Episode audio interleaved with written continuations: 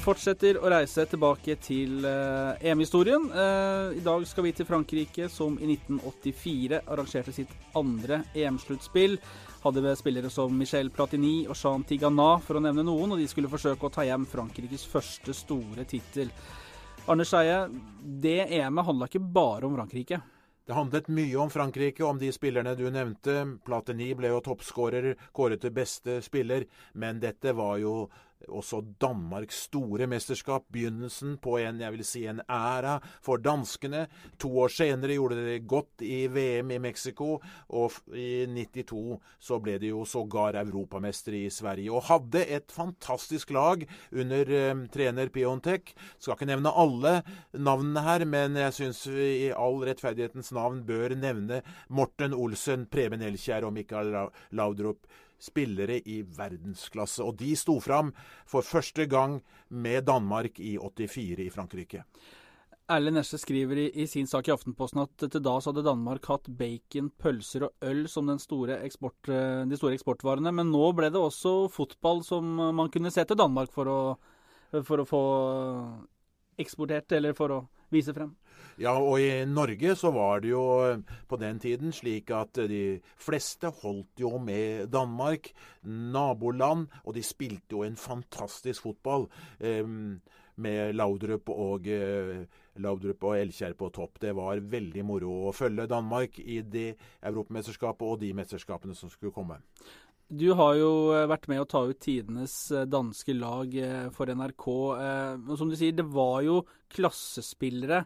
Et lag som sjarmerte fotball-Europa på sett og vis, det som vi fikk se i, 84? Det var det. Det var gode spillere, og det var ikke minst offensive takter hele tiden. Og i innledningen så slo de jo der Jugoslavia med 5-0. Mm. Det er jo helt utrolig.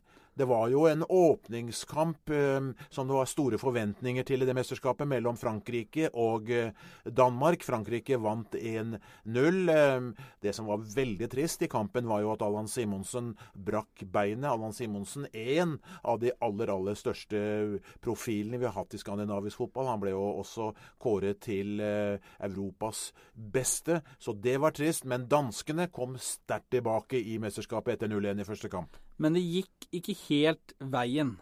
De gjorde ikke det.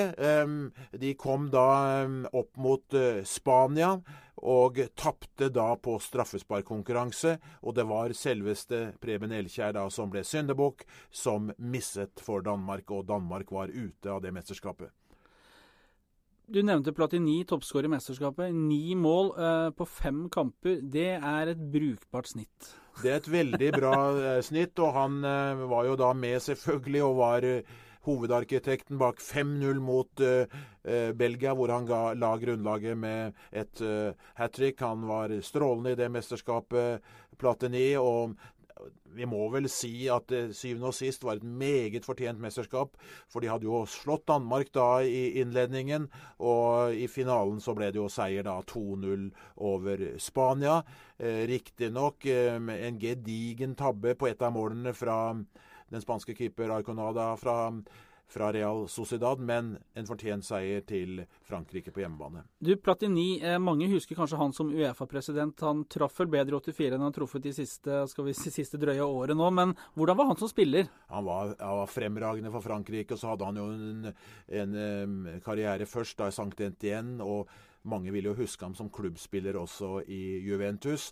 Og han førte jo dette videre til 86, da det var VM og, og Frankrike ble slått ut av eh, Frankrike spilte mot Brasil i en kamp som mange mener er en av tidenes beste fotballkamper to eh, publikumslag, Frankrike-Brasil, men det var altså i 86. Platini var kanskje enda eh, mer suveren i dette mesterskapet vi, snak vi snakker om, i 84. Eh, det er jo litt morsomt, fordi det er jo et nytt fransk lag som er i ferd med å vokse seg frem nå, før eh, dette mesterskapet.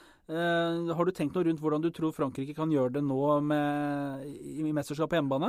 Jeg er veldig dårlig til å tippe, men jeg tror Frankrike kommer til å gjøre det veldig godt. For hvis vi ser på hva som skjer i mesterskap med vertskapet, så viser det seg at vertene bestandig gjør det godt. 84 vant de. De hadde VM på hjemmebane i 98, vant. Og som du sier, de har et nytt lag, et spennende lag. De er på hjemmebane. De har tolvte spiller på tribunen, som det så fint heter. Frankrike, for meg, en av de store favorittene i årets EM. Åh, jeg kjenner jeg gleder meg. Det må bare snart begynne.